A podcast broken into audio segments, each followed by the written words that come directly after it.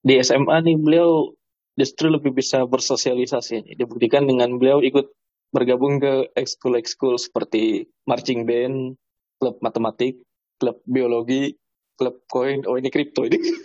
Enggak. Klub koin ini Apa? yang ngadu itu loh. Yang disentil diputar berapa lama muternya. Oh ini tajos ya. Ah, ya kan. Ya itu. Lebih Klub koin gitu. tajos. Ya, aduh yuk. Berapa lama ini muternya. Iya. Yang kata lu bilang ya kita tidak kalau lu merasa tidak dikendalikan oleh teknologi kata gua justru sebaliknya justru memang sekarang sudah sangat dikendalikan teknologi gitu. Coba mati lampu nggak bisa ngapa-ngapain kan? Bisa. Nyanyilah lagu Nasar. Seperti mati lampu ya sayang Seperti mati lampu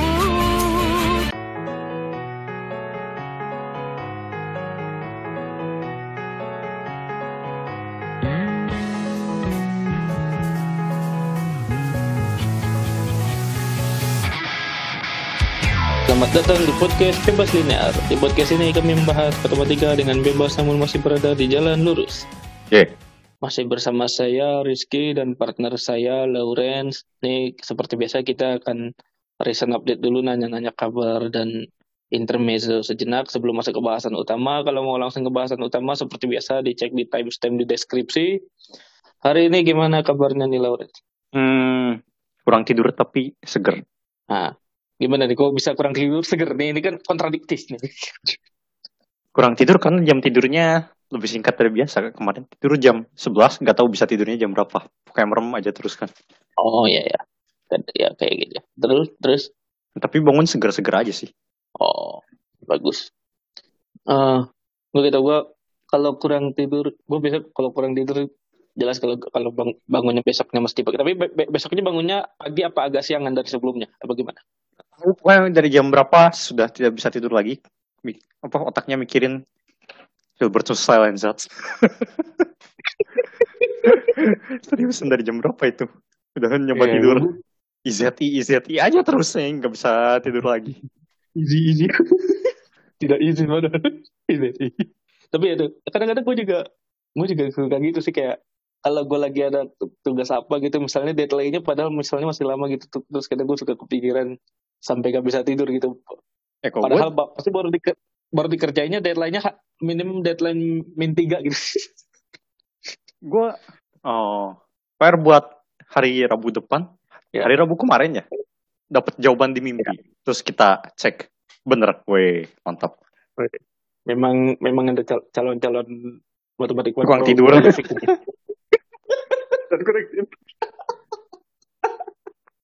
Iya. Padahal cuma dilihat skill lah soalnya. Eh, maksud yang dikerjain yang soal yang lain. Kepikiran. Eh nggak tahu kepikiran gimana. Pokoknya kan dapat jawaban di mimpi. Kita cek. Oh benar, bagus.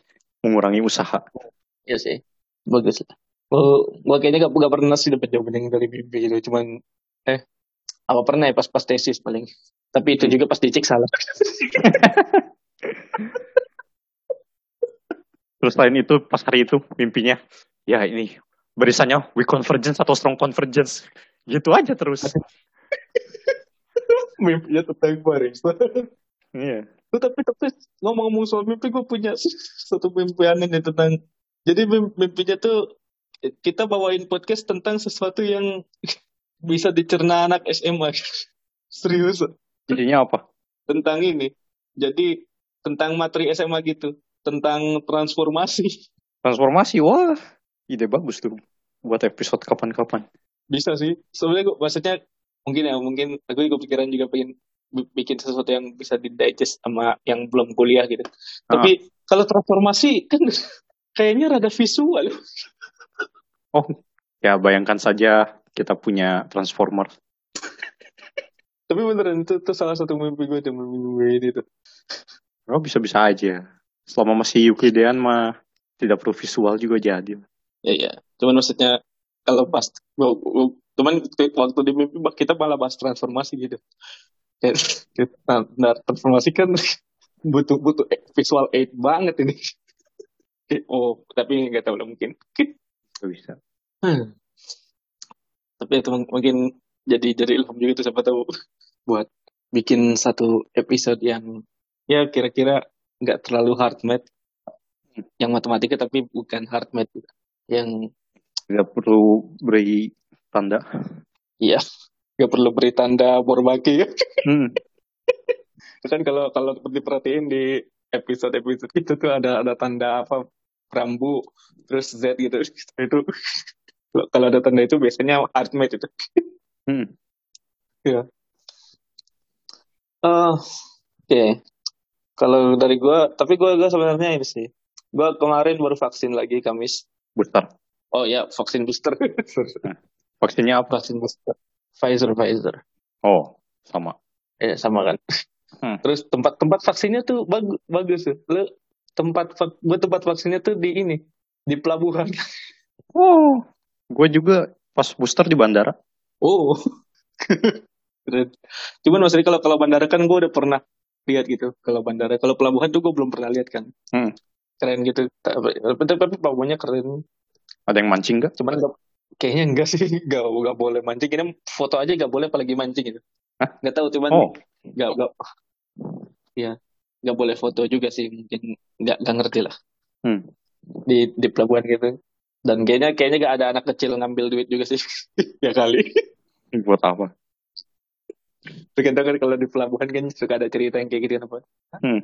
anak kecil ngambil duit gitu yang dari apa penumpang itu itu biasanya karena nolongin abis apa gitu ya Kali bawain barang kali. Gak ngerti. ya antara bawain barang atau apa ngangkat sauh gitu Kali. tapi tapi itu ya tuh, kemarin ya habis vaksin vaksinnya di daerah pelabuhan terus efek sampingnya apa ya apa pipinya tuh kalau kata bahasa dokternya Apanya? Eh ya ya tangan pegel Tangan pegel. Oh, standar. Ya pegel pegel tapi tapi sama kemarin gue jumat kan kemis ya gue Hmm. gue jumat kayaknya gak, gak, gak ngapa-ngapain jumat Oh, bisa di- dimasukin YouTube tuh. 12 jam tidak ngapa-ngapain.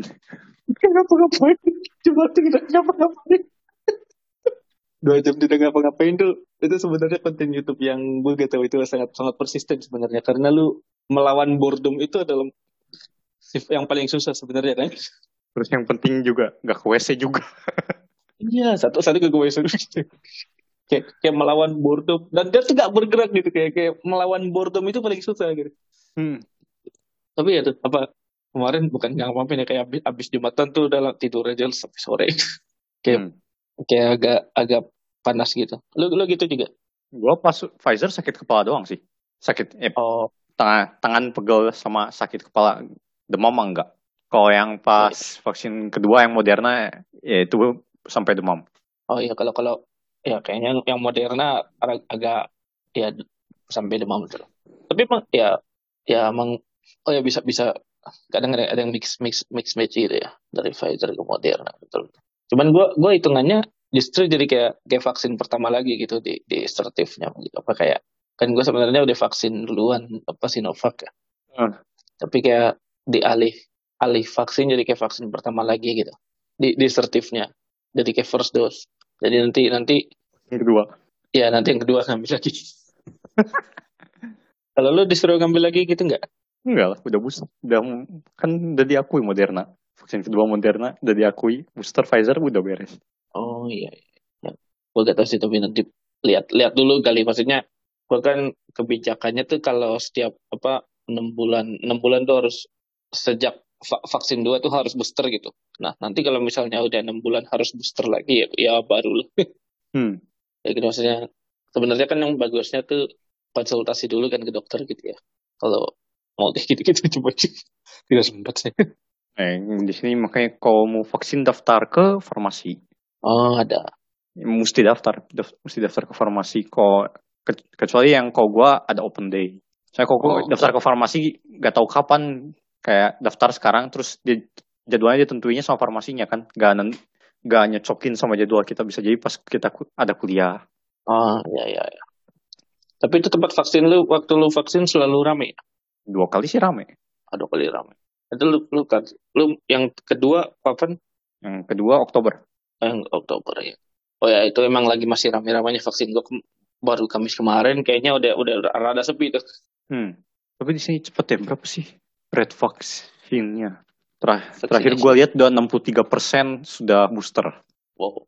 Ya, 63,4 persen sudah booster. 79,9 persen dosis 2, 85 persen dosis 1. Hmm, ya, ya. Tapi kalau vaksin gitu bisa ditransfer secara internasional kan? Maksudnya kayak Bisa. bisa kan ya.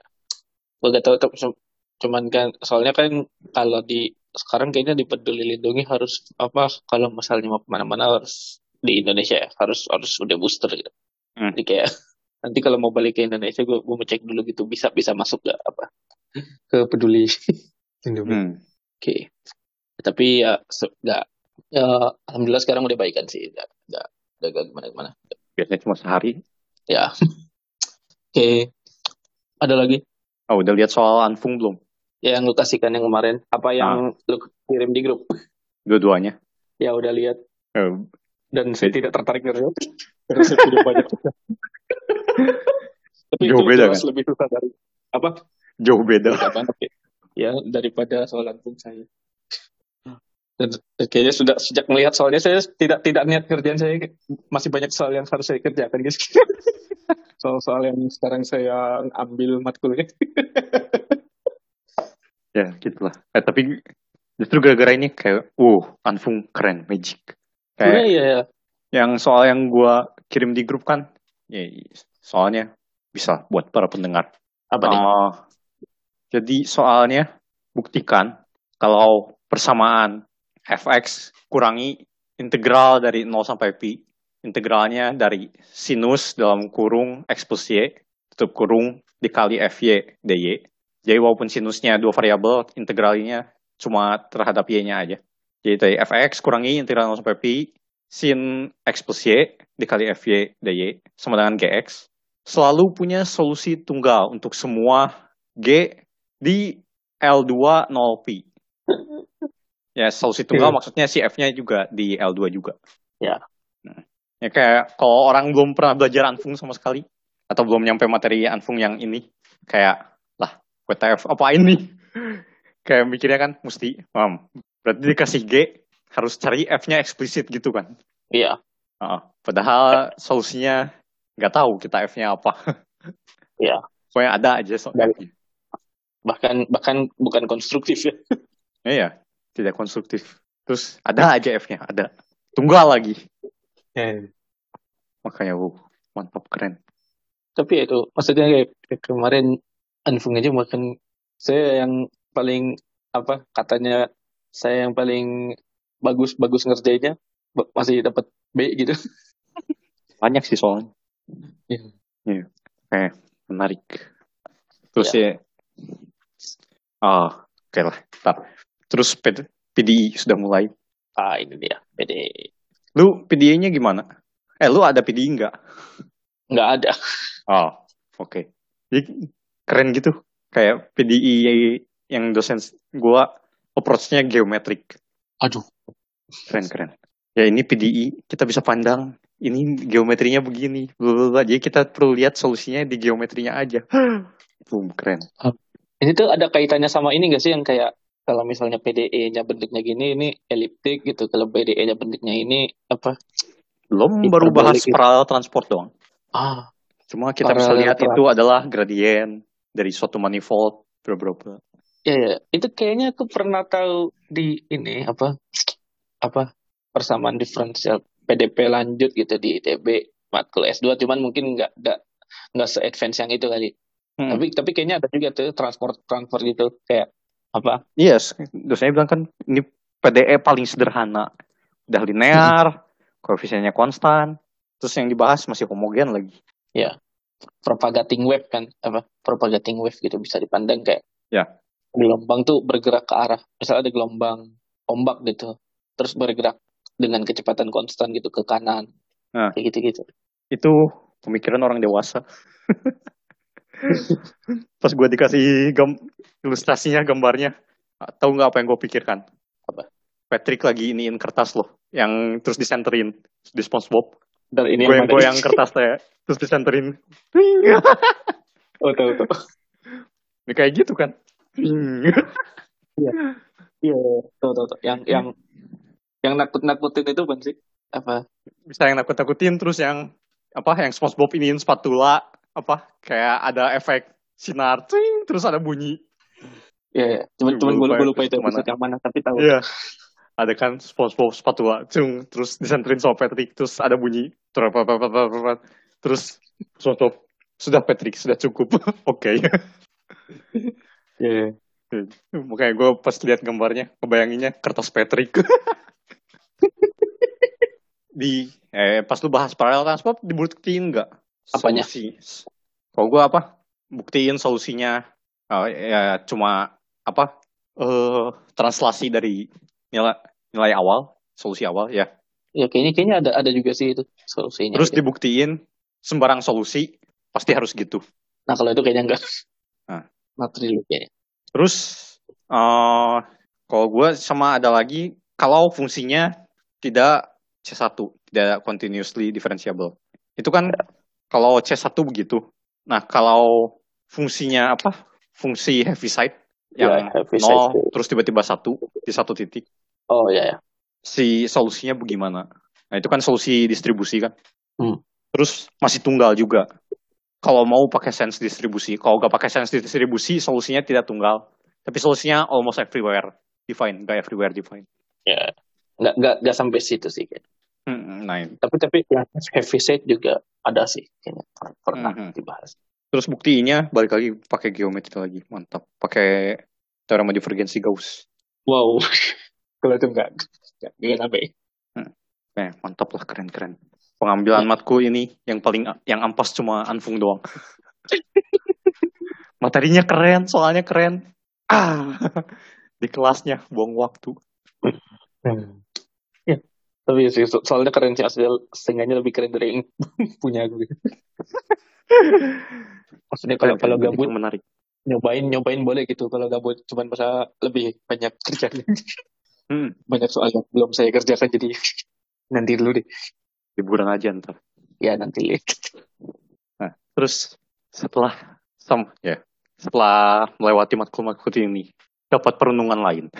apa nih Pantesan ya, apa eh, kalau di Eropa, di US, ya di Eropa, di Eropa atau di US banyak matematikawan atau filsuf medalis yang menang prize bla bla bla bisa datang tidak dari Olimpiade kan? Banyak malah mungkin lebih banyak yang tidak datang dari Olimpiade kan? Ya. Nah ini karena si pendidikannya di kelasnya ini sudah lebih benar. Kayak gue ngerasa pas PDE ini, oh jadi gini. Ternyata di Itali benar juga. dia maksudnya lebih kan- benar dalam hal apa nih Eh, satu rigornya, wow rigor sekali, jauh. Kan Oke. udah gue bilang ya jauh dibanding ITB. Terus kita lebih fleksibel nanya ke dosen. hmm. Kita ya, eh, ya ini saya gak ngerti ini bisa diulangi nggak? Ya terus dosennya, oh ya sorry mungkin saya kecepatan bla bla bla dijelasin lagi. Terus ada juga kalau misalnya kalau gua nanya kan apa si dosennya bukan PR tapi nyuruh kita coba dulu kan sebelum kuliah selanjutnya. Ya. Ya, ini coba dulu. Oke. Terus dosennya nanya pas awal kelas, jadi eh, gimana berhasil tidak? Tidak kan? gue bilang. Terus pas dosennya jelasin, bla bla bla, hmm, sebenarnya hampir sih gue hampir dapat solusinya. Cuma ada yang gue ragu, terus gue tanya dosennya, ya ini kemarin saya ragu bagian ini. Ini kenapa bisa bener ya? Oh ya karena ini, oh, nah itu mantap penjelasannya dosennya bagus. Hmm. Terus kita diajar benar-benar sama dosennya yang suka ob subjeknya. Maksudnya kayak terutama dosennya, si dosennya juga suka bilang ya ini sederhana tapi beautiful bla bla bla resultnya. Jadi dosennya juga antusias ngajar, antusias ngajarnya ya kitanya juga antusias jadinya belajarnya. ah ya terutama itu sih sebenarnya yang yang gua gue yang yang sebenarnya ya yang pentingnya tuh eh, suka suka subjeknya dulu ya sebenarnya gue bilang apa anfung itu sebenarnya gue gue gue yakin kayaknya kayaknya dosennya passionate soal anfung ini Iya, mungkin wak- wak- passionate. Kayak dia bilang, oh this is good, this is blah, blah, blah." Tapi penyampaian dia ke orang lain tidak benar. enggak enggak bukan bukan bukan dosen lu dosen gue Oh, dosen dosen lu. Eh, dosen gue Iya, juga sebenarnya gua. dia passionate, cuma passionate buat diri sendiri gitu. Jadi pas Mungkin menyampaikan ke orang lain kurang berhasil. kalau itu ya. Cuman cuman kalau Kalau dosen lu kalau dosen gue bilangnya karena dia dia passionate dan salah ngajarin Anfung ini. Dia benar-benar dari awal kan dari ruang metrik. Ya. Eh dari ruang vektor, ruang metrik, terus Banach space, Hilbert space gitu-gitu kan. Cuman menurut dia nih kita gak bakalan mampu nge-cover semuanya nih karena menurut dia terlalu pendek kan Ya, apa cuma satu semester. waktunya gitu. Karena ya belum belajar operator dan gitu-gitu. Ya. Yang lu bilang kemarin itu harusnya dipisah jadi du- dua semester gitu kan. Ya. Dan lebih Ah. gilanya gue dalam 20 kuliah doang. Ya kalau lu emang nggak tahu emang di sana kan hardcore semua. Kalau di sini udah dikombain sama ini sama ngajar sama Mhm. kalau di sana kan ya ya gitu juga sih maksudnya lebih lebih lebih fokusnya emang buat riset. Nah, tapi itu menurut beliau emang masih kurang juga jadi beliau kad- kadang jadi juga suka hand web sama kadang suka ngelewat beberapa yang oh kalau misalnya ini bisa dipelajari sendiri lah gitu. Kayak balik ke Hmm. kalkulus juga gitu. Misal yang PDE itu. Kayak bentar ini teori Magrin yang mana? kayak gitu. Kayak bentar ini. Oh yang. Kayak gitu loh. Kadang suka. Soalnya kayaknya di antara kayak di antara semua materi itu kayak kayaknya K- KPB saya yang paling nggak nempel tuh walaupun entah kenapa ya KPB itu saya paling nggak nempel gitu di antara semua materi gitu. materi kuliah padahal sebenarnya bagus Mhm. bagus gitu KPB entah kenapa Oh, ya? nggak nempel aja Gue juga karena ini sih belajar apa? Kompleks geometri. Kan sering, sangat sering dipakai Stokes Green.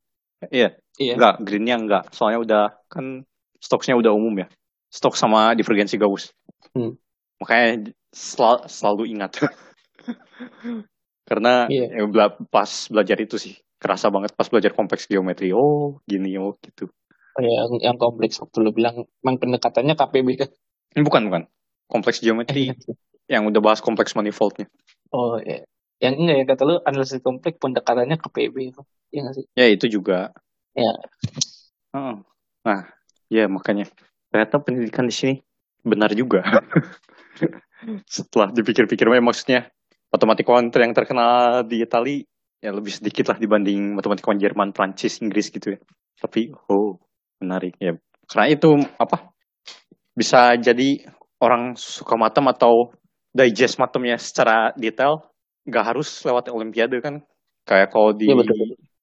di kita Indonesia kan sama. kayak eh, ya di sekolah kayak masih kurang orang larinya ke olimpiadenya kan. Ini Mm-mm. tidak perlu ke olimpiade pun sudah cukup kalau benar. Ya ya sepakat sepakat. Ya terus yang yang tainya ini tuh materi Anfung ini. Gua cek di ETH Zurich juga mirip materinya. Ya. ya bisa dicari aja ETH Zurich Functional Analysis tahun ketiga S1 terus tahun kedua S2 nya udah belajar udah eh tahun kedua S2 tahun kedua S1 nya udah belajar measure di ETH Zurich. Bagus. Nah itu kayak kalau fondasinya bener ya bisa-bisa aja. Ya. kayak Tapi- apa kurikulumnya kelihatannya advance gitu kan. Tapi kalau fondasinya bener ya bisa-bisa aja. Tapi di, di luar kan kalkulus saja materi SMA sebenarnya. Tergantung sih nggak juga nggak sih? Masa? Ya maka eh atau di sini sih enggak kalau di sini enggak kalau di I mean- Eropa Amerika? Oh, Amerika tergantung daerah. Terlalu luas. Ya. ya tapi bentar. Zurich kalkulus eh eh, masih ada kok kalkulusnya tahun satu tapi udah kayak level pengantar analisis real. Nah. Karena itu bisa bisa dibahas lumayan lu- ya entah gimana cara ngajarnya. Bisa dibahas lumayan Ya, detail. bisa masuk measure juga masuk masuk gitu ya tahun kedua enggak. Measure-nya tahun kedua. Iya. masuk masuk Hmm. measure tahun kedua gitu maksudnya. Bisa.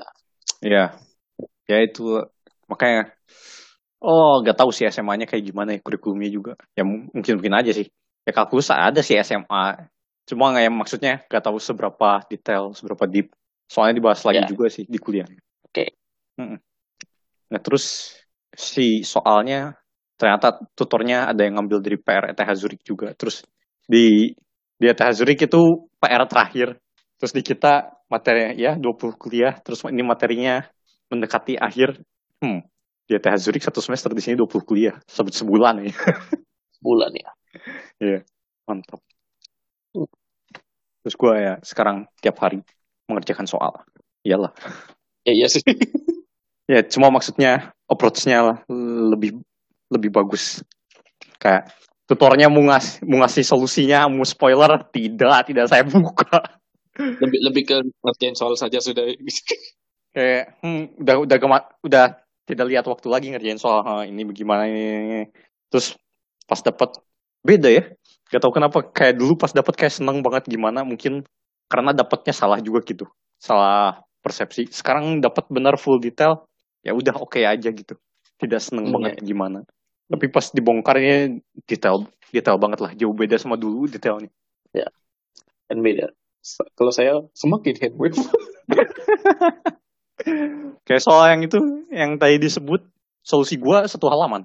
Hmm, ya memang sudah tidak ada waktu buat saya apalagi kalau anda saja satu halaman kayaknya saya tuh kalau mau ngerjain kayak gitu bisa dua halaman gitu. Karena apa gitu. aja tuh? Iya. Kayak yang poin krusialnya ya poin krus poin krusialnya pendek tapi sebelum nyampe ke poin krusialnya panjang. Oh tapi gini deh eh, anda ngerjain itu berapa menit deh? Berapa menit? Ya berapa menit atau berapa jam pas ngerjain soal yang itu? Oh 20 menit kayak oh wah spoiler nih. Oh, Jadi, 20 menit ya? Nggak nggak. Oh berarti berarti berarti saya kira-kira dua jam. Aduh spoiler. Jadi ini kan ada integral ya Iya. kita pandang si integralnya sebagai operator terus Iya, buktiin itu kompak Hmm. Hmm, nah itu nulisnya 20 menit. Terus buktiin kalau satu itu bukan nilai eigen operatornya. ah Ah. satu karena kalau satu itu itu Ya, jadi buktiin satu itu bukan nilai eigennya. Nah itu hmm, nggak tahu gua gua stuck. Terus tinggal makan malam, balik-balik dapet inspirasi. Terus dapat bisa terbukti satu itu bukan nilai eigen. Terus karena satu bukan nilai eigen, satu adalah nilai resolvent. Terus kalau di resolvent, eh, apa si operatornya kurang satu dikali identitas itu bijektif. Nah makanya oh ada solusinya tunggal. lu tahu tadinya gue kepikiran pakai apa tahu nggak Apa? pakai fixed point theorem gue kira ke situ Itu gimana caranya? Kan gak ada Ya, makanya makanya gua, gua yang yang kebayang pertama tuh itu soalnya kan dia solusi unik kan Ya ya. ya karena dia buktikan dia punya solusi unik maka maka gua gua kepikirannya ini ini ada pakai fixed point ini cuma ya nggak tahu gimana dulu bayangan aja gitu Oh, fixed point. Oh ya, operator kompak bisa. Ya, ya kan dikompakan ya. Tapi apa sih yang kurang? ini Eh, mas banyak yang kurang bentar. Kita cek bukunya. fixed point itu kan harus ini kontraksi Ya, tapi ada ini. Oh ya benar. Harus kontraksi. nggak bisa Pak. harus kontraksi Gua- Terus kan jarak-. Jaraknya oh pakai L2. ya pakai L2 aja Ha-ha. Oh enggak, enggak harus ini ya. Tidak harus kompak operatornya bisa. Ya, tapi buktiin kontraksi ya enggak enggak Kalau- kontraksi kan? Enggak harus kontraksi ini operatornya. Ya gak tahu juga sih. Selalu yang aku ingat yang kontraksi soalnya. Operator kontraksi Iya, kalau tapi kontraksi ruang operator ruang ini enggak kontraksi. Normnya satu nah, soalnya. makanya. Makanya. Gimana Eh, cara bener nggak sih? normnya satu? Iya, iya norm, normnya satu. nah itu dia. Makanya kok, kok normnya satu? Makanya aku kira prosesnya ke situ kok sih. Nah, saya kira proses ke situ kan. Tadi mau proses ke situ saya coba cari saya pengen cari normnya dulu. Oh enggak bisa. Susah juga nggak sih nyari normnya ini? Ya apalagi itu Tapi gue Oh, dapat tapi kalau dapat norm normnya satu. kurang satu kan udah laki itu Ya, kalau kurang satu tapi normnya satu ini. masalahnya itu ya sudah lah ya, ya, ya. Nah itu makanya kayak oh keren Anfung. Kalau kalau gue pakai Anfung kan kayak hah apaan ini? Iya makanya sebenarnya lebih ke ini kayak ini sebenarnya saya pakai yang mana kayak gitu loh. Makanya saya tadi kan pemikiran pakai apa eigen resolvent gitu gitu. Gue gue gue justru kepik karena gue gue kayaknya gak, gak sampai situ deh gak sampai resolvent gitu deh. Makanya Ah, gue gak kepikiran tuh gue gue kepikiran pakai pakai fixed point. hmm, hmm.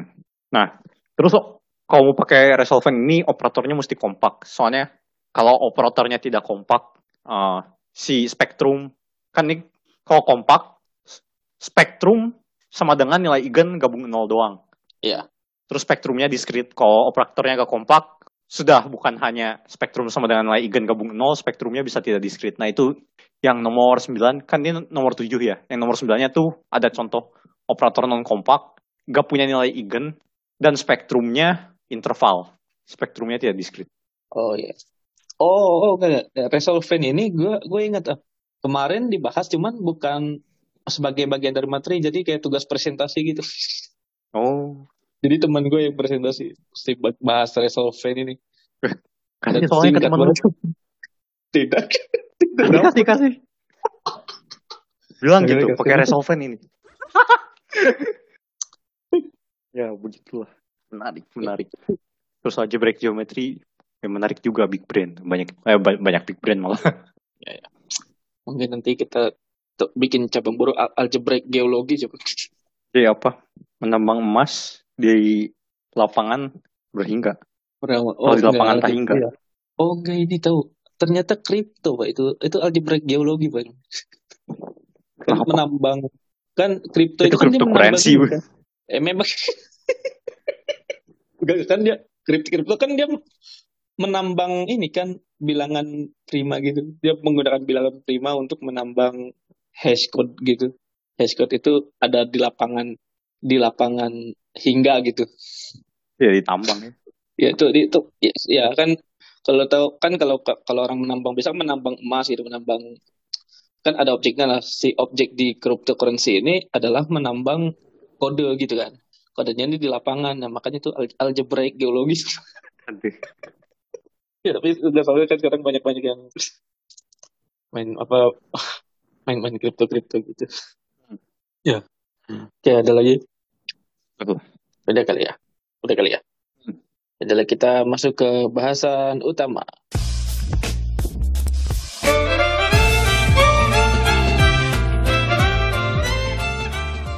Nih hari ini kita mau bahas apa nih Lau? Nah, apa ya? Kayak lanjutan matematika dan politik, tapi ini terlalu hardcore politiknya. Tidak tidak politik sebenarnya ini saya yakin. tapi ya begitulah ya. Antara antara politik tidak politik pemikirannya tidak jelas sih. An- Lebih antara politik sama, sama teroris gitu. Ya, tapi kan politik juga berarti. Probably ya. Mungkin ya pesan-pesannya emang politik, tapi nanti kita tapi sebenarnya ini kayak, kayak lebih lebih condong ke terorisme sih. Iya sih, sebenarnya lebih ya itu yang lebih utamanya sih. Iya. Ya, jadi kita bahas seorang bernama Ted Kaczynski yang dikenal juga sebagai Yuna Bomber. Iya. Oke, kita mulai. Dia Ah, jadi matematikawan ya yang sangat apa sebenarnya digadang-gadang nih jadi matematikawan hebat cuman malah jatuh ke dunia terorisme dengan melakukan pemboman apa apa mail bombing ya gitu kayak kayak surat ngirim surat isinya bom apa paket isinya bom gitu gitu Hmm. Nah, oke ya.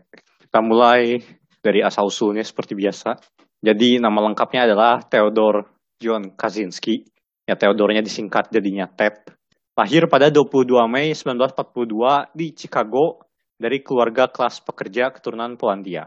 Nah, semasa kecilnya beliau adalah murid yang cemerlang dan beliau tercatat memiliki IQ 167 pada zamannya sehingga diperbolehkan loncat kelas. Nah, terus Ted sendiri bilang kalau ini adalah fase penting dalam hidupnya. Karena tadinya dia jadi jagoan di kelompok anak-anak seumurannya. Tetapi karena loncat kelas gitu, beliau jadi dibully anak-anak yang lebih tua. Sehingga beliau dikenal pintar tapi penyendiri. Nah, Ya. komen, komen, komen. gimana nih Karena tahu juga sempat hampir gini kan. ya maksudnya kan loncat loncat kelasnya terlalu jauh kan. Tujuh tahun langsung SMA gitu. oh iya langsung SMA terus Hmm, kata Unit orang tuanya oh berapa ya 10 tahun. Iya. Nah kata orang tuanya tuh tadinya pengennya loncatnya nggak terlalu jauh-jauh aja. Kenapa pelajaran SD udah bisa lah ya. Mau coba antara SD kelas akhir atau SMP. Tapi jadinya malah dibully gitu di sekolahnya. Terus cabut, dicobain di SMA, nah di SMA gak dibully. Makanya udah aja langsung ke SMA. ya gak tahu ya kayak- kayaknya mungkin SMA lebih kita lihat SMA lebih chill gak sih daripada anak SMP gitu Iya, emang. Iya gak sih? Heeh. Gue kayaknya anak SMP masih rada gimana gitu. Cuman kalau SMA, tapi SMA tergantung SMA kelas berapa dulu. kelas kelas 3 tuh lumayan alim-alim tuh orangnya. Keren mau UN. Di kelas gue sih orangnya alim-alim. Ya. Tapi biasanya maksudnya biasanya SMA kelas 3 tuh ngelindungin SMA kelas 1 gitu. Nah yang biang gara-garanya biasanya sama kelas 2. biasanya gitu. Ah, maaf tidak relate karena saya tidak tahu apa itu kelas 2, apa itu kelas 3. Memang. Makanya ini saya ceritakan. biasanya biasanya fase fase fase nakal-nakal itu di, di kelas 2. Nah, di kelas 3 gitu. Ya udah mulai tobat lagi. ya, Dek. Kamu harus belajar dengan benar, Dek. Biar gak kayak saya, alimnya baru sekarang. Iya. Hmm, ya, ya, ya. Gue juga SD sempet hampir loncat kelas. Cuma kata orang tua gue, guanya yang gak mau. Entah kenapa, gak tahu juga. Ya, ya. Ya itu gara-gara temannya udah beda kali. Kalau loncat kelas kan pada lebih tua. Aneh. Nah, lalu di SMA nih beliau justru lebih bisa bersosialisasi. nih. Dibuktikan dengan beliau ikut bergabung ke ekskul-ekskul seperti marching band, klub matematik, klub biologi, klub koin. Oh ini kripto ini. Ada klub koin Sekarang sekarang klub kripto kali mungkin, tapi gak tahu. Mungkin kolektor-kolektor koin gitu. Dan klub bahasa Jerman. Enggak. Klub koin ini Apa? yang ngadu itu loh. Yang disentil diputar berapa lama muternya. Oh, ini Tajos ya. Ah, ya kan. Ya itu. Lebih Klub koin gitu. Tajos. Ya, adu yuk. Berapa lama ini muternya. Iya. Lebih klub Tajos ini. Gue kayaknya dulu ngumpulin sampai banyak. Tajos. Ya ampun. Terus kalau kalau kalah dikasih gitu kan kayak Ya, ya. taruhan gitu. Ya. ya ampun. Aduh. Zaman lama banget itu. Lalu nih, eh, beliau lulus pada usia 15 tahun dan memperoleh beasiswa ke Harvard setahun kemudian. Hmm. Lalu ini ada fase penting di kehidupan beliau nih. Di tahun keduanya di Harvard, beliau berpartisipasi dalam sebuah eksperimen sosial yang diduga, yang diduga kuat nih berkaitan dengan aksi-aksi terorisnya yang yang akan yang akan datang yang beliau akan lakukan. Gimana?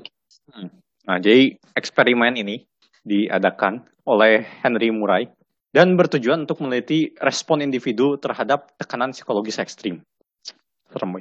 Nah, jadi ceritanya yang berpartisipasi itu diajak debat soal hal-hal seperti kepercayaan personal, lalu disuruh menulis esai tentang hal itu, terus diperdebatkan.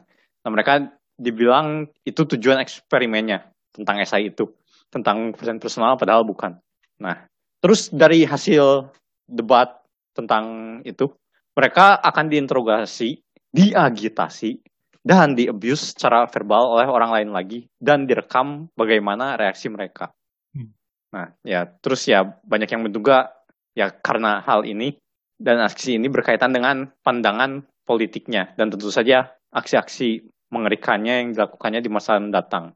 Nah, ada juga yang menduga kalau Henry Murray ini adalah agen CIA yang meneliti tentang mind control. Nah, tapi kalau menurut Ted Kaczynski-nya sendiri, uh, dia bilang eksperimen ini tidak mempengaruhi hidupnya. Ya, jadi kayak dia ikut satu eksperimen yang dibilangnya ini tentang ini padahal bukan gitu. Dia tentang bagaimana orang meneliti stres. Cuman dia cara secara moral eksperimen sosial ini kayak sa- apa salah ya caranya. Salah dia sampai mengabuse mental si partisipannya gitu. Gue jadi ingat ada ada satu lagi apa? Ini beda sih beda beda beda beda eksperimen. Tapi dia apa? Dia juga mengabuse mental si partisipannya. Jadi ada namanya Stanford Prize, Stanford Prison itu tahu nggak sih apa? Jadi Stanford Prison Experiment itu jadi ada dua kelompok orang. Jadi ada dibikin simulasi tahanan gitu. Dua kelompok orang ini tahanan sama sipirnya. Nah si sipirnya ini dibilangin mereka boleh bebas nge memperlakukan tahanan itu gitu. Se segimana mereka mau. Nah itu itu di situ terjadi kebrutalan itu juga itu kayak Nah, Hmm. sejak saat itu kayak ada nih konduksinya kayak gimana sebuah eksperimen mental itu harus dilakukan gitu di antara apa eksperimen sosial itu harus dilakukan gitu. Kayak nggak boleh meng- sampai mengabuse orang, nggak boleh sampai ada orang yang diabuse gitu kayak gitu-gitu. Karena Hmm. ya hasilnya bisa kayak gini. Hmm. hasilnya bisa ya mungkin walaupun beliau sendiri membantah ya tapi kayak Mungkin gak ya sadar menurutku aja ini gitu. fa- fase paling penting justru gitu. Ya mungkin orangnya gak sadar aja gitu ini mempengaruhi. Iya gitu. Nah, Lalu ya tadi setelah itu beliau lulus memperoleh gelar sarjana matematika dari Harvard pada 1962. Selanjutnya beliau melanjutkan studi di University of Michigan dan memperoleh gelar master dan doktor matematika pada 1964 dan 1967. Nah, di matematika sendiri beliau bekerja di bidang analisis kompleks, khususnya geometric function theory dan uh, disertasi beliau nih yang berjudul boundary function bahkan oleh pembimbingnya Alan Shields ini disebut yang terbaik yang pernah beliau bimbing. Hmm. Nah, tapi pada masa studi ini, pada pada masa studi doktorat, tepatnya pada 1966, 1966 beliau mengalami kejadian yang beliau sebut sebagai titik balik terpenting dalam hidupnya nih. Apa nih? Hmm, nah, katanya beliau mengalami fantasi seksual aneh yang membuatnya berpikir untuk mengubah gendernya menjadi perempuan. Nah, dan karena uh, hal ini, beliau uh, berencana untuk menemui psikiater awalnya untuk membahas ini.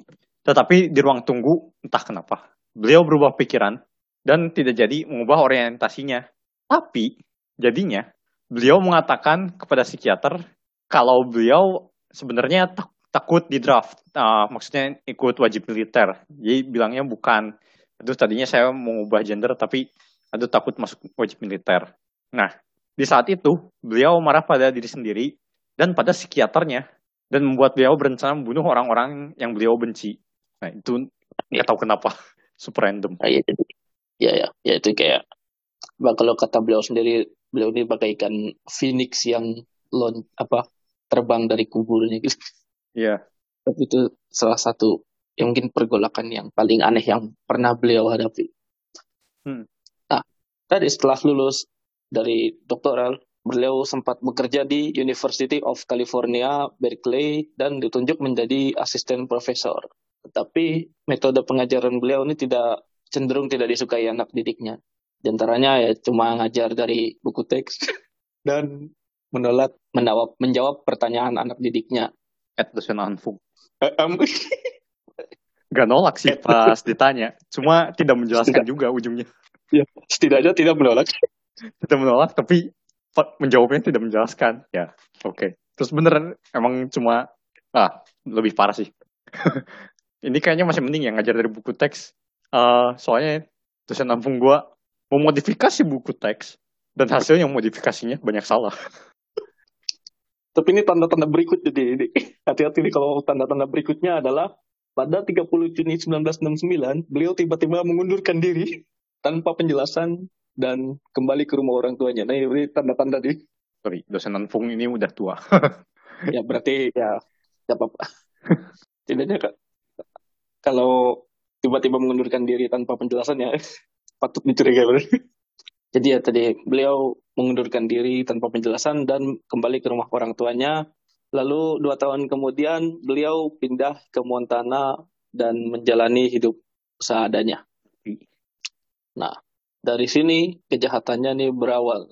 Mulai dari 1975 beliau melakukan perlawanan kepada pengembang daerah Montana, apa developer gitu ya hmm. dengan melakukan arson. Arson itu pembakaran, bakar-bakar properti orang gitu. dan memasang jebakan hingga melakukan serangkaian aksi pengeboman melalui surat atau mail bombing ini dari kurun 1978 hingga 1995. Beliau melakukan 16 pengeboman dengan tiga korban jiwa dan 23 korban luka-luka. Nah, ini kenapa namanya Yuna Bomber? karena target pengeboman beliau adalah universitas dan bandara penerbangan. Nah, karena itu Yuna Bomber itu adalah University and Airlines Bomber. Itu julukan yang dikasih FBI. Nah, FBI sendiri bahkan menawarkan hadiah 1 juta dolar bagi siapa saja yang mampu membongkar identitasnya. Sayangnya kita hidup di waktu yang salah. Jadi kita Sudah tidak perlu memecahkan Millennium Prize Problem kalau kita hidup zaman itu ya. Iya ya. Dia adalah Millennium Prize problem ke-8. Terus problem ke-8 adalah di mana? Siapa Ona Bomber? Hmm.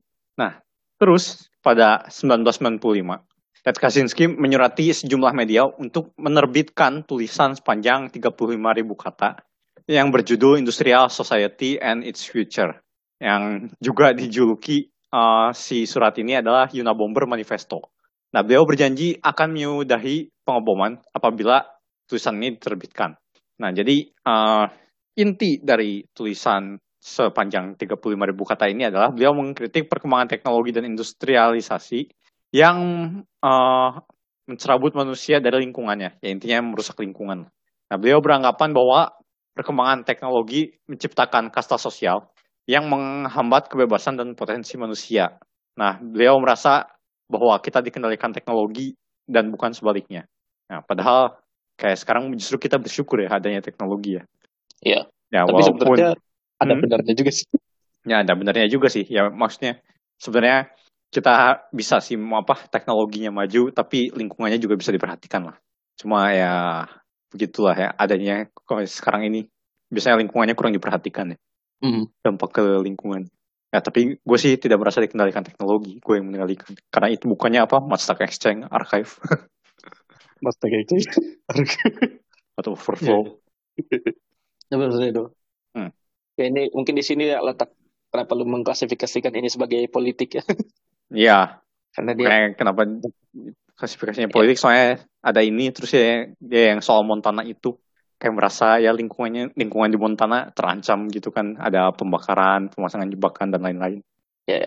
itu karena ya karena ada developer jadi makanya beliau melakukan apa pembakaran gitu-gitu. Hmm. Nah, tulisan ini nah tulisan ini akhirnya diterbitkan di media besar seperti The Washington Post dan The New York Times. Ini ada fun fact, ini tadinya mau diterbitkan di kayak majalah pria dewasa gitu. Cuman kata si Ted Kaczynski itu sendiri, eh jangan kamu kalau misalnya saya kamu terbitin di majalah itu, itu kamu yang saya bom gitu. Jadi ya harus diterbitin di media-media besar gitu. Dan ya tadi diterbitkan di Washington Post dan New York Times. Nah, Hmm. setelah itu, nah pada pada saat saat saat sekitar itu, nah beredar masih masih berupa rumor nih bahwa Ted Ted ini sang sang una bomber nih. Jadi adik laki-lakinya nih namanya David pada mulanya tidak percaya.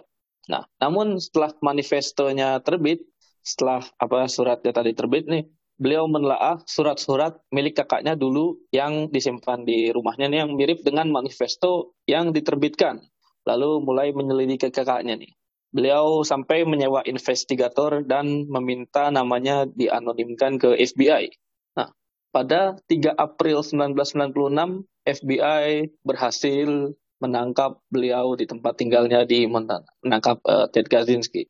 Nah, di tempat penangkapannya ini ditemukan jurnal-jurnal yang di antaranya berisi cara membuat bom, sebuah bom yang sudah siap dikirim, dan salinan asli dari Unabomber Manifesto. Hmm. Nah, sampai saat ini investigasi terhadap beliau ini menjadi investigasi termahal FBI yang menghasilkan, emang menghabiskan hingga 50 juta dolar. Ya, terus ini ya, gue lupa di buku adanya gitu ya. Kalau nggak salah ad- adanya nulis buku. Ya. Bisa jadi kakaknya begini juga gara-gara orang tuanya pas kecil bandingin dia sama adenya. Jadi ya Oke. lebih pilih kasih lah orang tuanya lebih sayang adenya. Hmm, Terus tambah Oke. ya tadi ya banyak lingkungannya gitu juga dia ikut eksperimen ini. Nah itu juga jadi bisa jadi Numpuk. salah ya numpuk dan itu jadi bisa jadi pemicunya. Ya. Ya nggak salah adanya yang nulis buku atau nulis artikel gitu. Ya, ya. ada ada bukunya terus. Nah, oke. Nah, jadi pengacara Ted Kaczynski ini berusaha menggunakan alasan kesehatan mental untuk meringankan hukuman beliau, ya, terutama untuk menghindarkan dari hukuman mati. Namun Ted Kaczynski-nya sendiri yang menolak dan memilih menghadapi pengadilan sendiri. Dan akhirnya, dan secara anehnya gitu kalau misalnya da, apa orang Indonesia yang lihat eh, apa pengadilan Indonesia terus vonisnya apa. Nah, beliau ini didakwa 8 kali hukuman seumur hidup. Kayak loh kan kalau kalau misalnya tahu di luar negeri juga suka ada kan hukuman 120 tahun penjara ya, kan? hukuman yang Ya. aneh-aneh gitu Ada yang kayak apa yang ribuan tahun penjara tuh ada tuh. ya ya nah kenapa nih bisa sampai didakwa 8 kali jadi menurut penjelasan laws.com laws.com tahanan yang didakwa sekali hukuman seumur hidup setelah 15 sampai 20 tahun biasanya bisa eh, memperoleh pembebasan bersyarat. Nah, jadinya tergantung yurisdiksi hukum di tempat masing-masing. Nah, jadi 8 kali itu ya artinya diperpanjang terus gitu. Jadi kayak kalau misalnya contohnya dua kali hukuman seumur hidup, setelah 20 tahun pertama, tahanan harus melalui uh, 20 tahun lagi untuk bisa memperoleh pembebasan bersyarat di setidaknya 40 tahun. Nah, jadi kalau 8 kali, ya artinya setelah 160 tahun baru dapat pembebasan bersyarat. Kalau masih bisa hidup ya. Iya. Nah, tapi jangan salah. Apa? Walaupun cuma sebentar, publikasinya mantap-mantap nih Ted Kaczynski ini di Betul, betul. Ge- Geometric Function Theory di benar. Benar. sekian belas ya, sekian belas publikasi. Terus orang-orang sampai bilang ini eh si bidangnya gara-gara Ted Kaczynski ini di masa depan tidak aktif lagi nih. Soalnya udah hampir semua problemnya habis sama dia. Udah. Dan kayaknya emang Jadi sekarang tidak Iya. terlalu terdengar. padahal bukannya bukannya kalau misalnya di penjara bukannya harusnya lebih bagus ya. Siapa tahu bisa jadi ini lagi gitu apa? Kan Pengen sudah tidak mikir mat lagi. Sekarang kan menyelami ya, masa Dino Bomber. Iya, siapa tahu tapi kalau bisa kan tadi hampir habis ya siapa tahu mau dihabisin aja sekalian bidangnya. Kayaknya sudah habis sih. Terus kayak papernya gila. Kayak gue pernah, pernah baca du- dua atau tiga gitu. Paper pendek-pendek tapi idenya big brand big brand ya. Mantap gila. Mantap Hmm. sekali. Cuman ya itu. Ini sekali lagi ya bisa jadi pesan juga buat memperhatikan mental orang-orang di sekeliling kalian lah. Jadi berhubungan dengan ini ada film yang kayaknya terinspirasi dari ini. Pernah nonton nggak Good Will Hunting? Enggak, enggak.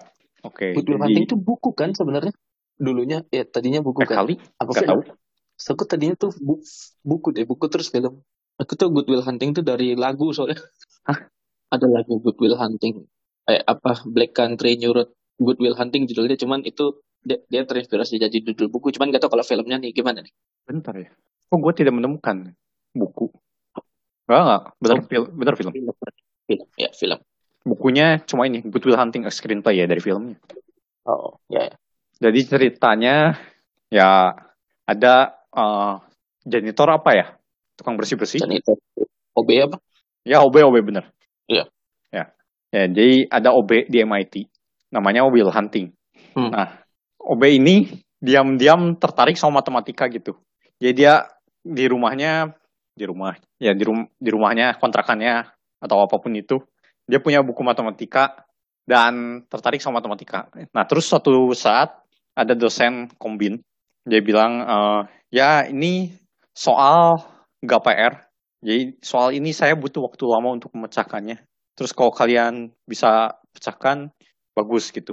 Nah, terus eh, jadi apa ceritanya di lorongnya ada papan tulis ya. Disimpan problemnya di situ di papan tulis lorong. Oh, Nah. Terus si Will Hunting ini lihat ke papan tulis ada problem. Terus dia nyoret-nyoret di papan tulis. Ya, kayak ngerjain problemnya kan. Iya. Terus eh, terus ditegur ya. Hei, itu apa? Tukang bersih-bersih jangan nyoret-nyoret itu itu problem apa? Bonus gitu kayak buat mahasiswa terus dihapus. Nah, terus eh, terus doi apa? Yatim piatu ya. Dia punya geng empat orang. Nah, nah itu biasanya ya suka ke malam bla bla bla lah pokoknya hidup yang begitulah yang tidak sepatutnya Kalau itu itu siapa? Itu itu yang suka klub malam ini siapa? OB-nya apa gimana? Ya will huntingnya Oh ya. nah, nah terus pas di malam dia lihat problem itu diajakin kan mau ke klub malam enggak sama temennya Hmm, dia bilang enggak deh hari ini gak enak badan terus balik ke rumahnya di cermin dia motret pakai spidol Oh, eh udah dapat jawabannya dihapus. Terus dia tulis solusinya di papan MIT. Nah, terus eh, si profesornya bilang, wah ini udah ada yang solve nih, bener lagi. Si, terus nanyakan di kelasnya, jadi ini siapa yang udah solve? Gak ada yang Oh. angkat tangan. Berarti gak dapet hadiahnya ya? Ya. Terus ya masih bingung kan siapa ini yang solve? Gak, ada- gak ada. Oke, kali ini eh dikasih problem baru lagi ya hadiahnya dikasih lebih besar lagi. Ini open problem yang dia masih kerjain sampai sekarang. open problem. Mantap. Padahal, padahal di itunya bukan sih tentang graf doang sih. Kalau Oh. ya kalau lu lihat filmnya it- itu bukan open problemnya tentang graf apa ya planar. Tapi gue lupa tentang apanya. Nah terus si Will Hunting eh, lihat lagi problemnya, nyoret-nyoret lagi, ditegur lagi, terusnya gitu lah. Eh itu kamu ngapain nih? Ya apa apa salahnya kan cuma nyoret-nyoret ini. Terus ya maksudnya pas itu bahasanya masih kasar gitu kayak oh, what the fuck dulu masih gitulah bahasanya. Hmm. Nah, terus eh balik. Nggak tahu setelah berapa lama solve sama dia problemnya. Hmm. solve problemnya. Terus eh itu ketahuan pas dia nge-solve-nya itu sama asisten si profesornya. Dia dilihat eh, ini ada yang nulis list OB nih. Terakhir, terakhir dia lihat yang nulis OB terus yang nge-solve OB yang udah ketahuan sekarang oh jadi yang nge-solve bukan mahasiswa OB nih. Nah terus ya diceritanya juga si Will Hunting ini tiap malam suka baca buku bukunya bisa matematika bisa buku-buku lain gitu. Pokoknya tiap malam tiap di kamarnya baca buku.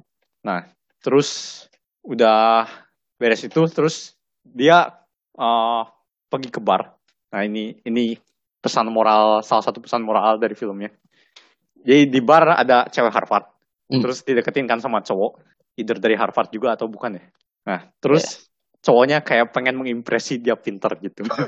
Jadi ngomong Iya. tentang hal-hal ribet bla bla bla bla Iya. terus ceweknya nggak suka sebenarnya dideketin sama cowoknya terus si Will Huntingnya lihat kan ceweknya nggak suka pengen pengen si cowoknya cepet pergi kan terus didatangin sama si Will Hunting Ah, terus abis cowoknya ngomong disambung sama si Will Hunting terus kayak ketebak gitu cowoknya mau ngomong apa eh Wow. terus tahu dari mana terus dia bilang ah, jadi ah, oh ya benar cowoknya dari Harvard juga berarti Oh. Nah, jadi ah, situ kuliah Kayak di ibaratnya gini ya. Hah? Kayak gini ya ibaratnya. Kayak ibaratnya cowoknya ngomong untuk setiap epsilon lebih besar dari nol. ya kayak si gitu gitu Hunting cuma gua cuma itu bahas tentang ekonomi gitu loh Iya, iya. terus ceweknya jurusannya kimia sebenarnya Hmm, memang tidak cocok aja, Bang. Nggak, nggak. Ya, terus gua terus disambungkan sama si Will Hunting ya. Eh, ya, jadi bahas ini ketebakan. Terus dibilang, eh, ya, eh, situ kuliah di Harvard, buang-buang berapa juta dolar cuma buat nge-cite buku doang. jadi semua omongannya itu adalah nge-cite suatu buku. Hmm. Terus katanya, sementara eh, ya gue sendiri OB gitu katanya, cuma ngabisin berapa ya? Cuma satu dolar gitu di perpus buat baca buku dan hasilnya sama gitu. Terus buat apa kuliah di Harvard? Terus Bagus. cowoknya kalah cabut. ya. Terus ya ceweknya terimpresnya sama si Will Hunting ini. Hmm. Ya. Terus ya si Will Huntingnya balikan ke tempatnya sama teman-temannya. Hmm. Terus pas ceweknya mau cabut ya, eh, ya halo terima kasih tadi udah ngebela kan. Terus Ya. bla bla bla, terus nanya apa dia pikir ceweknya buang-buang duit juga kuliah di Harvard terus Willnya enggak enggak ya terus ceweknya ngasih nomornya ngasih nomor ceweknya ke si Will Hunting Nice. Nice. Nah, nah terus besoknya si Hunting gelut ya di jalanan. Ya gitulah ya, pergaulannya tidak baik dengan teman-temannya. Biasalah. Biasalah. Nah, bla, bla, akhirnya dibawa ke pengadilan. Terus dia jago kan debatnya di pengadilan. Bla, bla, bla, bla, tahu hukum lagi. Dia nges Hmm. bilang ini pasal berapa pasal berapa tahu. Nah, terus uh, abis dari itu kan datang nih si profesornya, profesor yang ngasih open problem. Ya. Datang ke pengadilan bilang dia ngasih jaminan uh, bebasin orang ini. Dia akhirnya bebas kan si Will Huntingnya. Terus ngobrol ya ke profesornya uh, ngapain dia bebasin OB gitu. Ya terus profesornya bilang uh, dia mau si Will Hunting nih jadi asistennya dia Mantap. terus dicobakan eh dibawa ke kantornya dikasih problem solve bareng terus si profesornya ini duluan ada stuck Will Hunting yang nerusin beres problemnya nah jadi dari situ jadi rutin jadi asisten si profesor itu nah tapi si profesornya gasrak ya karena si Will Hunting ngomongnya masih kasar ngerokok minum gituan lah Ya, ya biasalah. Hmm. Nah, karena itu eh, mencari psikolog biar ketemu sama Will Hunting. Ya kayak pengen dibenerin lah sikapnya. Ya. Nah, terus gue lupa sama sama How Some Way, pokoknya jad- jadinya jadian sama yang cewek Harvard yang kimia itu. Dan terus pokoknya ada satu momen eh si Will Huntingnya nelpon kan, bisa hangout nggak? Aduh nggak bisa nih, lagi ada tugas kayaknya susah bakal lama. Terus si Will Huntingnya gak sabaran kan, datang ke tempat ceweknya. Mana PR-nya? Ini. Terus jadinya Will Hunting yang beresin PR-nya. Terus ya ter dikasih ke ceweknya. Dah yuk cabut. Terus ceweknya lihat lah jawabannya bener gitu. ya gitulah. Nah terus psikolog ah yang sama psikolog ini ada berapa psikolog ya? Gue lupa. Pokoknya Hmm. banyak psikolog gagal gitu. Ada yang pakai hipnosis bla bla bla. Pokoknya gagal lah mental. Gak ada yang tahan sama Will Hunting pokoknya. Habis pertemuan Hmm. pertama atau kedua cabut aja. Gak tahan katanya sama uh, konsul sama Will Hunting ini. Nah terus uh, yang psikolog yang terakhir nih ada yang sukses. Awalnya juga gak sukses gitu. Kayak dibawa ke ruangannya dia, diajak ngobrol bla bla bla. Terus si Will Huntingnya apa gak fokus ya keliling-keliling ruangan si psikolognya. Terus lihat lukisan. Uh, jadi luk, apa lukisannya tentang kapal pergi jauh. Terus ada orang liatin gitu. Terus kan apa ya kan si Will Hunting disuruh diceritain gimana hidupnya. Terus si Will Huntingnya sendiri bilang, ya hidup Anda sendiri bagaimana? Kayaknya Anda mendambakan seorang perempuan, tapi perempuannya pergi jauh, bla. Ya, lihat dari lukisannya doang kan. Terus bener gitu. Terus si psikolognya marah kan. Marah, terus ya disuruh keluar. Terus tapi nenangin diri, bla bla bla. Terus si profesornya masuk kan. Dia bilang, ya kalau si, uh, situ gak tahan sama Will Hunting udah biasa kayak udah banyak psikolog yang gak tahan. Terus psikolognya malah bilang, suruh besok ketemuan jam 4.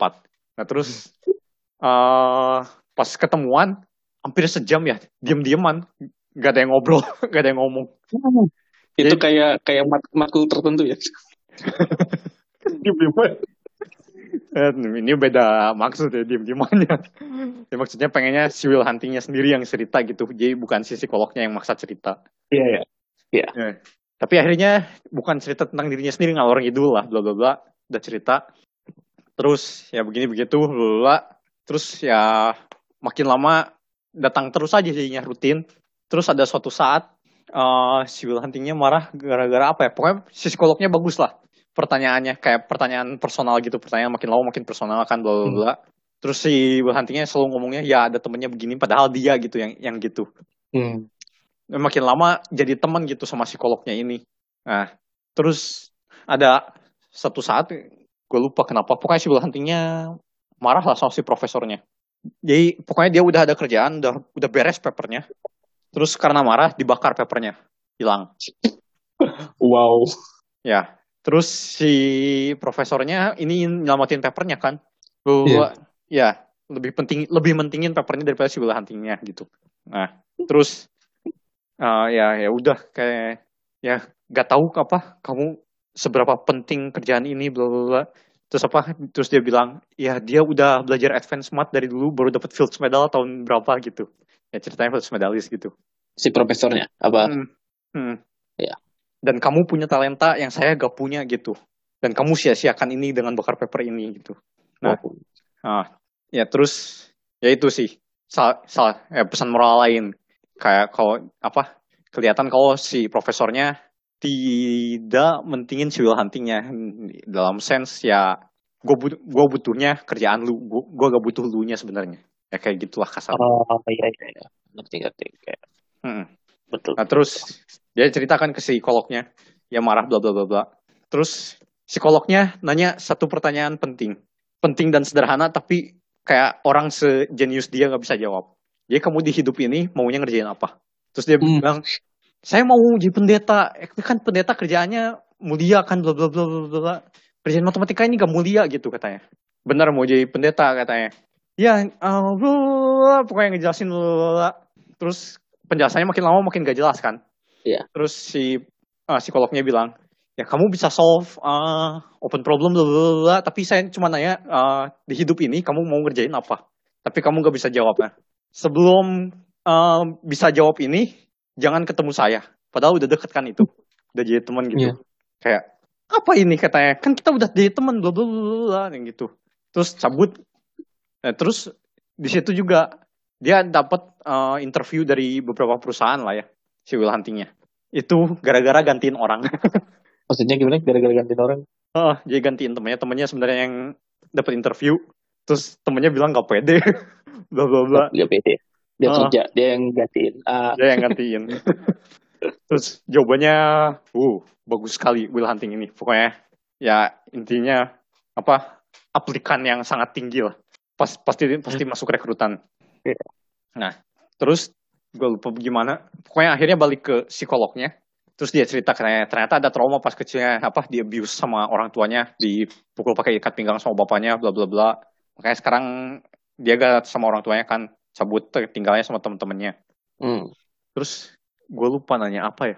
Oh dia apa nyalahin diri sendiri gitu. Ya dia dipukulin bapaknya nyalahin diri sendiri. Kayak apa gara-gara omongan bapaknya kamu gara-gara ini, ini, ini. Bukan dia nyalahin diri sendiri nah itu belum sembuh gitu lukanya. Nah terus Hmm, ya. si Will Huntingnya apa? Ya bilang dia mau jadi pendeta. Lah, terus eh, si psikolognya cuma bilang ya ini bukan salah kamu. Apaan? Ya, emang saya gak bikin salah kok katanya. Ya ini bukan salah kamu. Terus aja ngulang gitu terus ya si psikolognya. Oh, enggak, enggak enggak ini bukan salah kamu. Terus lama-lama nangis si Will Huntingnya terus cerita ya dulu begini begini begini dia bisa sama orang tuanya. Nah di situ damai aja jadinya. Terus akhirnya oh ceweknya pindah kota juga kan? Hmm. ke mana gitu? Uh, pokoknya abis lulus kerja gitu di kota lain. Nah itu juga ngaruh juga. Nah, terus ya nah itu kayak dia ngerasa hubungannya gagal gara-gara ceweknya pindah kota gitu. Nah oh ya marahnya salah satunya gara-gara itu. Cuma gue lupa alasan lain marahnya apa. Nah terus uh, dari situ damai. Uh, terus udah tenang. Ditanya uh, jadinya mau kerja apa? Iya di hidup ini mau ngerjain apa masih mau jadi matematikawan atau enggak? Mesti mau jadi pendeta atau enggak? Terus enggak katanya. Apa? Ya eh, dia kayaknya kayaknya mau kerja yang di perusahaan dia wawancara terakhir itu lah. Ya itu juga bagus kan apa perusahaannya tentang ini ini ini ya, terus dia ngerasa itu bagus gitu. Dan apa tidak ngerasa sebenarnya tidak ya penasaran sama mat tapi tidak mau matnya dijadikan pekerjaan gitu nah terus Iya. ya si psikolognya ini beda sama si profesornya kan. Kan si profesornya yang penting kerjaan lu lu nya nggak penting. Nah Hmm. kata si profesornya ya terserah terserah lu aja mau kerjain apa ya pilihannya pada lu. Terus terakhir abis terima itu ya abis terima kerjaannya kan ternyata kerjaan di luar kota. Terus dia ya pelukan sama si psikolognya. Oh. terus nanya alamat juga dia yang alamat si psikolognya apa? Oh ya ini alamatnya. Tapi katanya dia juga mungkin dalam beberapa tahun ini bakal pergi naik kapal pesiar. Tapi dia bakal kadang-kadang ngecek eh ala apa rumahnya. Dia kalau mau kirim surat kirim ke alamat ini aja. Terus ya itu. Kenapa dia lebih milih teman-temannya dibanding si profesornya? Karena ternyata teman-temannya ya itu walaupun bandel bagaimana ulang tahun dia teman-temannya pada ingat terus ngasih mobil bekas gitu lah Hmm. ya ini ini mobil bekas. Apa eh ya cuma kayak dari loak gitu. Mereka benerin mereka benerin sebisa mungkin. Kan udah mau keluar kota ya jadi ini pakai mobil ini buat keluar kota. Nah terus kayak gue lupa gara-gara ya kan gara-gara dia cabut sama profesornya sempat kerja jadi kuli aja. Temennya juga jadi jadi kuli kan. Nah terus temennya bilang ngapain jadi kuli? Ya kan jadi kuli mulia kan bantu ini. Terus temennya bilang ya apa dia tahu apa kemampuan civil hunting jauh gitu dibanding yang lain. Ya sayang apa kemampuannya cuma jadi kuli doang. Nah terus temennya bilang tahu nggak apa eh, satu hal yang dia harapin di hidupnya si Will Hunting? Yaitu kalau pas dia ngejemput ketok-ketok Will Hunting udah gak ada udah di tempat yang lebih bagus katanya. Nah terus Hmm. endingnya itu. Temennya datang ke tempat si Will Hunting ketok-ketok gak ada si Will Huntingnya. Terus eh, Udah. sama si psikolognya nerima surat dari si Will Hunting. Wow. Itulah recommended filmnya Mantap itu itu sih recommended. Anda sudah spoiler sebenarnya tapi bagus-bagus kayaknya kayaknya. Kapan kapan bahas film ya? Film-film mati. nah itu ada bahas soal Ted Kaczynski juga ya.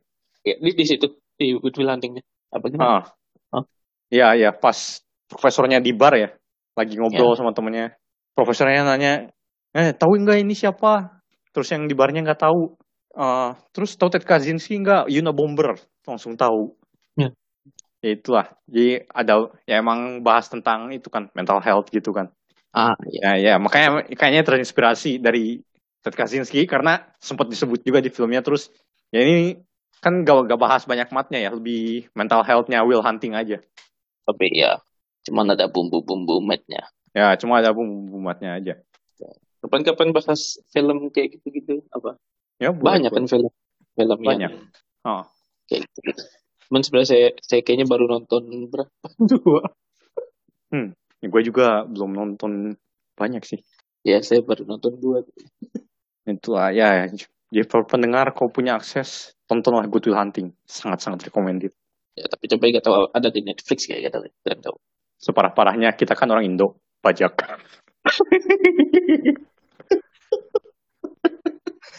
Indo Express sudah tutup. Cari aja di internet, adalah kali. Ya, itu mesti pas, memang pasti kan? Iya.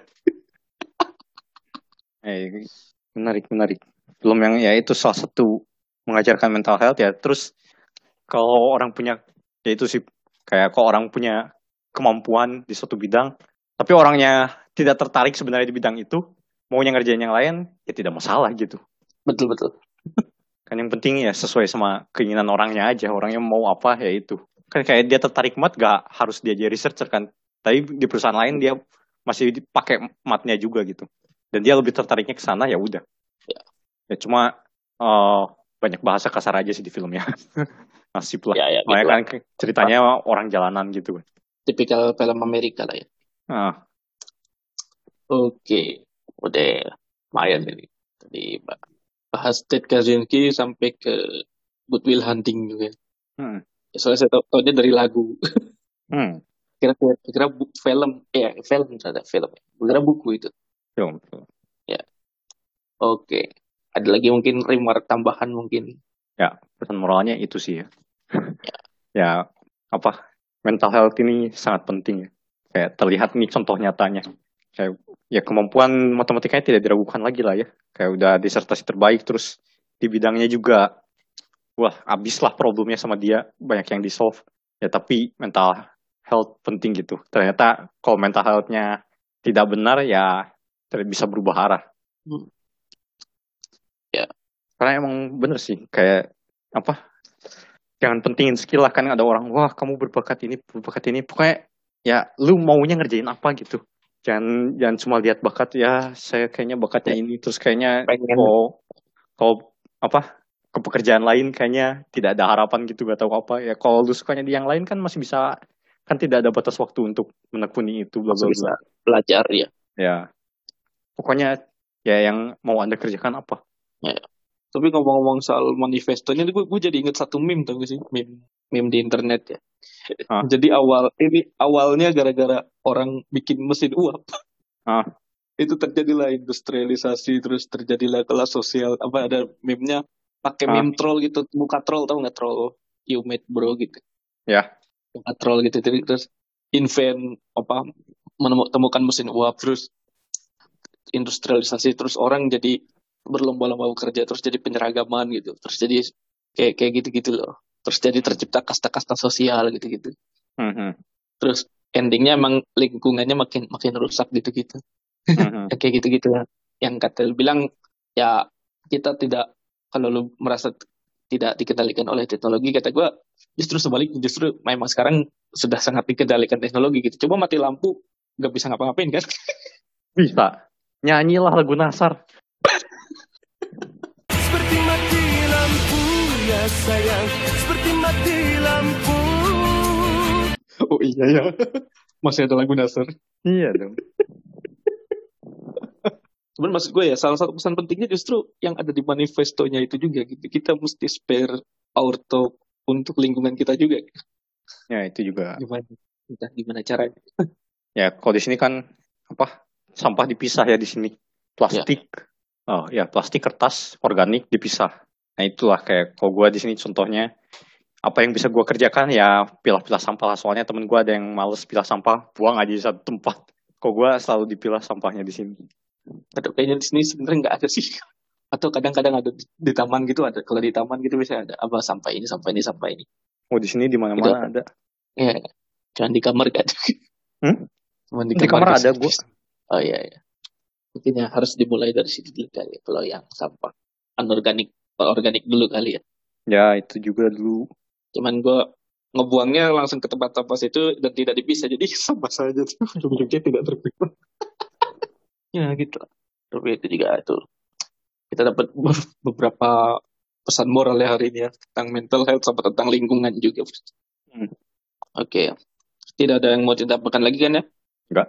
oke ya udah. Ya kalau misalnya kalian suka konten-konten kami ya itu tadi sekian pembahasan kita tentang Ted Kaczynski ya. Kalau misalnya kalian suka konten-konten kami, bisa dicek di Twitter @bebaslinear, di Instagram @podcastbebaslinear, dan di-share juga ke teman-teman kalian. Sampai jumpa di episode berikutnya. It's almost time with a bomb in my hand and a pair of empty eyes. Goodbye, people, tonight I, I'll explode it all high into the sky.